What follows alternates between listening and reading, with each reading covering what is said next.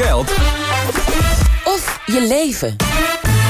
Gaan we nu feest vieren? Ja, u denkt feestvieren. Ja, de rente op je spaargeld, de hoger wordende prijzen in de supermarkt... en de lening die je af moet sluiten voor het kopen van een huis. Allemaal zaken waar de Europese Centrale Bank invloed op heeft. En dat instituut bestaat 25 jaar. Wordt vanavond groots gevierd in Frankfurt, uh, begrijp ik. Maar de laatste jaren klinkt er ook steeds meer kritiek op dat instituut. Want ja, doet het nog wel waar het ooit voor is opgericht? Nou, waar is het dan voor opgericht? Gaan we bespreken met niemand minder dan Edi Mujagic... hoofdeconoom bij OHV Vermogensbeheer... en ook wel ECB-watcher mogen we je noemen, Edin, toch? Welkom. Dat mag, dankjewel. Um, is het reden voor feest?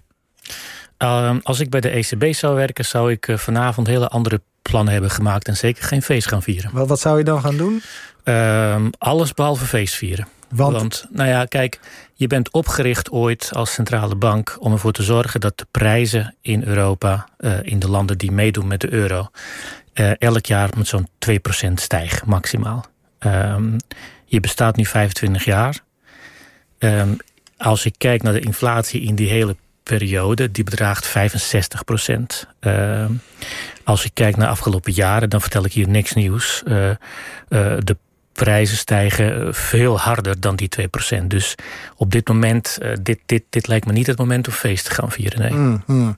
Vroeger was het best wel een saai instituut volgens mij. Werd Zo hoort nooit... het ook. Oké, okay, want er wordt eigenlijk te veel over gepraat momenteel. Kijk, het is... Um, Um, als, je, uh, als, je, als je een beetje liefhebber bent van voetballen... dan, dan hoor je vaak dat uh, um, als het na afloop van een wedstrijd... over de scheidsrechter gaat... dan is dat meestal geen goed nieuws. Dan, dan heeft die beste man een hele nare wedstrijd gehad. Datzelfde geldt voor een centrale bank, centrale bankiers. Als mensen daar uh, heel vaak over hebben... dan gaat er wel ergens iets fout. Een saaie centrale bankier en een saaie centrale bank zijn de beste centrale bankiers en de beste centrale bank. Maar is er geen uh, VAR in de economische wereld die die scheidsrechter kan overroelen? Ja, we hebben wel een VAR, maar dat is een hele bijzondere VAR. Het is een VAR die met een uh, vertraging van een jaar of drie, vier uh, vaststelt of er iets mis is gegaan. En weet je, daar. Wie is daar, die VAR dan? Nou ja, die VAR, dat, dat zijn wij. Dat is de ECB ook, want je gaat terugkijken naar hoe is het allemaal gegaan. En dan, dan, dan stel je jaren later dat er ergens in 2016 iets, iets uh, fout is gegaan. Ja, dat, daar doe je niks meer aan. Het zijn lange wedstrijden. Eventjes terugspoelen. 1998, toen werd de ECB dus opgericht... met als eerste president een Nederlander, Wim Duisenberg. Hij zei bij het, toen als ook al feest, het openingsfeest het volgende. Perhaps the most important challenge for the European system of central banks... is to win the confidence of the citizens of Europe. The euro is their currency. And they should be able to trust that it keeps its value. Een goede stem had die man, zeg. Ongelooflijk. Goede stem Zo. en bovenal een hele goede boodschap. Ja, misschien uh, is de grootste uitdaging voor het Europese centrale, uh, systeem van de centrale bank... om het vertrouwen te winnen van de burgers van Europa. De euro is hun munt en ze zouden erop moeten kunnen vertrouwen... dat hij zijn ja, waarde kijk, houdt, zegt hij. Het meest waardevolle wat je als centrale bank hebt... is het vertrouwen van de buitenwereld in jou als centrale bank. Nou, ik moet zeggen, de ECB is wat dat betreft uh, ontzettend gunstig begonnen, want die kon uh, voorborduren op het vertrouwen wat uh, een heel groot deel van Europa had op de Duitse centrale bank en de Nederlandse centrale bank. Als je ook kijkt naar de afspraken uit die tijd. Uh, wat de ECB moet doen en hoe de bank dat moet doen. Ja, dat is gewoon één op één gekopieerd van de wetgeving voor de Ah. Duitse centrale bank. De ECB was eigenlijk, en dat was ook het idee dat het, dat, dat uh, het geval zou blijven, een soort kloon van de Duitse centrale bank. Want wat was de belangrijkste taak van die ECB vanaf toen? De belangrijkste taak was zorgen dat de prijzen uh, niet al te hard stijgen en zorgen dat de mensen vertrouwen in je houden. Nou, nou ja, je... Zou kunnen zeggen dat is heel lang goed gelukt.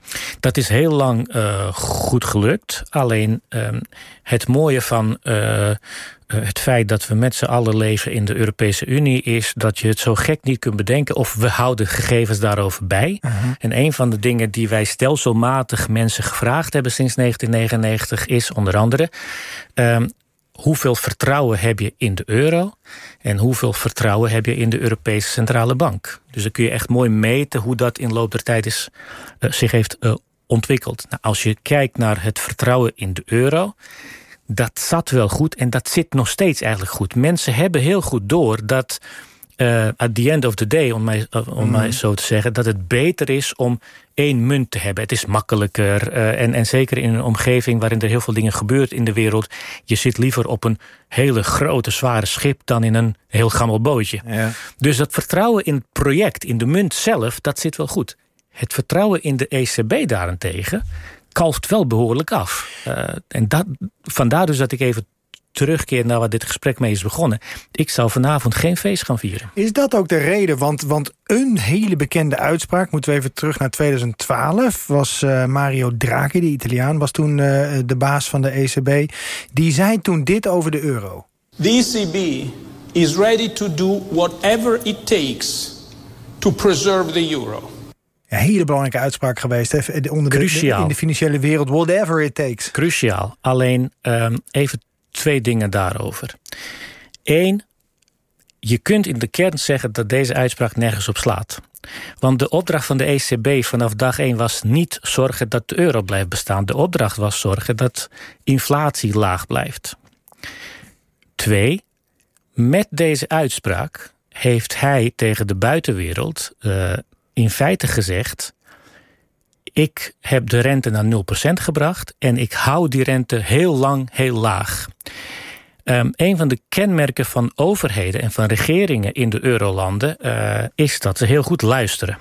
Dus als je dit als ministerie van Financiën of regering in Rome of in Athene of in Madrid hoort, dan weet je, ik kan gewoon doorgaan met uh, onverantwoord financieel beleid. Uh, lees veel meer uitgeven dan wat er binnenkomt. Mm -hmm. Schulden blijven stapelen. Want ja, hij houdt de rente toch ontzettend laag. Whatever it takes. Whatever it takes. Dus het... Onverantwoorde uitspraak eigenlijk. Het, in mijn ogen wel. Het cynische hiervan is dat als je zegt... ik doe alles om de euro te redden... dan zou je kunnen zeggen dat het belang van de eurolanden er eerder op is... om er altijd voor te zorgen dat er iets met de euro is... want dan blijft die rente laag. Ja, ja tot, tot nu, de laatste jaren, ja, schiet ja. die rente de pan uit. Kijk, als, als je de rente tien jaar lang of nog langer uh, niet op nul houdt, maar zelfs negatief houdt. Ja. Um, het verleden leert ons uh, onomstotelijk dat dat op termijn gevolgen heeft. En gevolgen is dan abstract voor inflatie gaat oplopen. Dus uh, dat de inflatie nu hoog is, komt natuurlijk voor een deel door Oekraïne. En, en, ja, en ik kan het zeggen, daar kan de ECB toch eigenlijk helemaal niks aan doen? Daar kan de ECB niks aan doen. Alleen, kijk, de inflatie in de eurozone is begonnen op te lopen en echt stevig op te lopen in de zomer van 2021. Dat was mm -hmm. negen maanden voor de oorlog in Oekraïne. Um, de oorlog in Oekraïne vindt dan plaats. Dat levert een enorm schokeffect in de zin van gasprijzen en stroomprijzen gaan omhoog. Maar um, door, op, door de manier waarop je inflatie berekent, valt dat effect na een jaar vanzelf wel weg. Want inflatie is de verandering van prijzen nu mm -hmm. ten opzichte van twaalf maanden geleden. Alleen de inflatie is nog steeds aan de hoge kant. Dat betekent dat er dus meer in het spel is dan oorlog in Oekraïne alleen. En dat meer in het spel is voor een groot deel het onverantwoorde beleid van de ECB. De, de, en het onverantwoorde beleid is te lang die rente heel laag houden. Inderdaad. Okay. En, en dat zie je dus heel duidelijk um, aan die statistieken waar ik het net over had. Het vertrouwen in de euro, dat zit wel goed. Ja. Het vertrouwen in de ECB minder. En als ik het heel micro maak, als ik het betrek om mensen om me heen... En ik ga om met, met uh, nou, ik, ik, ik zelf ben niet geboren in Nederland, dus allochtonen, autochtonen, mensen die werken in de dienstensector, mensen die uh, werken in de industrie.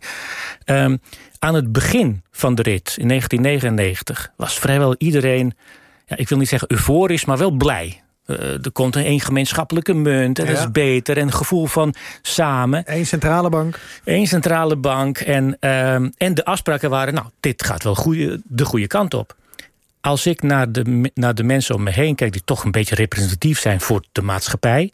dan zie ik daar heel veel mensen die destijds uh, bijna euforisch waren... en die tegenwoordig uh, ontzettend negatief zijn over uh, niet alleen de ECB zelf... maar in steeds meerdere mate over de euro ook. Ja. En dat doet mij wel heel veel pijn. heel kort, wat moet die ECB daaraan doen? Om dat wel te herstellen? Je moet laten zien dat je ook een mens bent. En wat bedoel ik daarmee? Je moet gewoon zeggen... wij hebben fouten gemaakt door onder andere de rente te lang te laag te houden. Ja. Daar doe je niks meer aan, maar we erkennen dat we een fout hebben gemaakt. betekent dat we ervoor gaan zorgen dat het niet herhaalt. En dat zou misschien wel wonderen doen voor dat vertrouwen... wat nog steeds aan het afkalven is. Ik ben heel benieuwd, Edin, wie na jouw verhaal... daar nog een feestje durft te vieren vanavond. Denk Dat ik denk dat ze het gewoon doen. Edin Mujagic, hoofdeconoom bij OAV Vermogensbeheer en eh, ECB-watcher. Veel dank voor jouw eh, tekst en uitleg over eh, het verjaardagsfeestje van de ECB.